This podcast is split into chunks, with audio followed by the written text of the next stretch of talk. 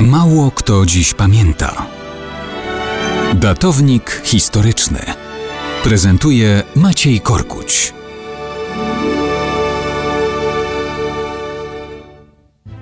Mało kto dziś pamięta, że 21 kwietnia 1945 roku na krakowskich plantach przy ulicy Dominikańskiej rozległ się wrzask.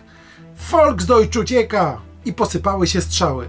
Przypadkowi świadkowie przez lata nie mieli świadomości, co stało się na ich oczach.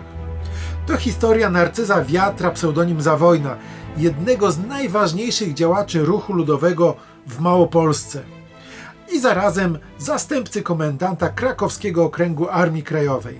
Wiatr pochodził z prostej chłopskiej rodziny. Sześciu braci i jedna siostra szybko zostało osieroconych przez matkę. Własnemu uporowi zawdzięczali wszystko. Ukończył szkołę powszechną i gimnazjum w Nowym Sączu. Potem skończył prawo na Uniwersytecie Adama Mickiewicza w Poznaniu. Związał się z ruchem ludowym, był działaczem Związku Młodzieży Wiejskiej i Stronnictwa Ludowego. W 1939 roku walczył jako dowódca kompanii karabinów maszynowych w szeregach pierwszego pułku strzelców podhalańskich przeciw nacierającym oddziałom niemieckim i ich słowackim sojusznikom. Szybko związał się z ludową konspiracją niepodległościową. Został komendantem i organizatorem batalionów chłopskich w okręgu krakowskim. Gdy w ramach akcji scaleniowej oddziały BH włączono do podziemnego wojska, Wiatr został zastępcą komendanta krakowskiego okręgu Armii Krajowej. Dowodził, ale też sam uczestniczył w akcjach zbrojnych.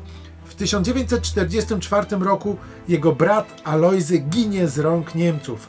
Po wkroczeniu do Małopolskiej Armii Czerwonej Wiatr nie ma złudzeń co do charakteru instalowanej w Polsce władzy komunistów.